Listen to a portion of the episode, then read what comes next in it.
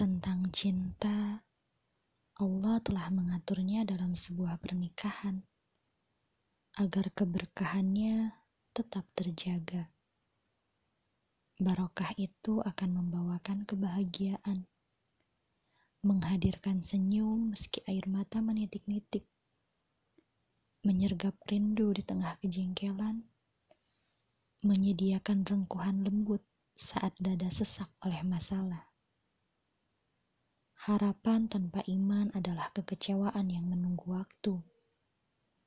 Kebahagiaan tanpa barokah, bagai bayang-bayang tanpa cahaya.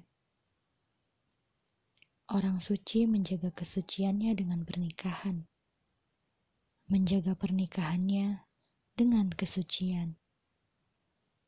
Sementara itu, setan terus berusaha untuk merusak barokah pernikahan dengan menghiasi yang haram lebih mengagumkan daripada yang halal.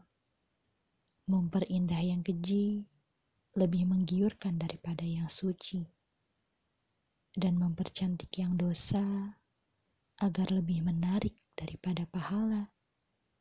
Sungguh, cinta itu berhulu dan bermuara di keabadian syurga. Saat kita faham bahwa tujuan pernikahan adalah syurganya, maka jangan asal menikah hanya untuk perubahan status saja. Tapi pastikan pernikahan kita juga memiliki perubahan dalam ketaatan bersama untuk meraih ridhonya.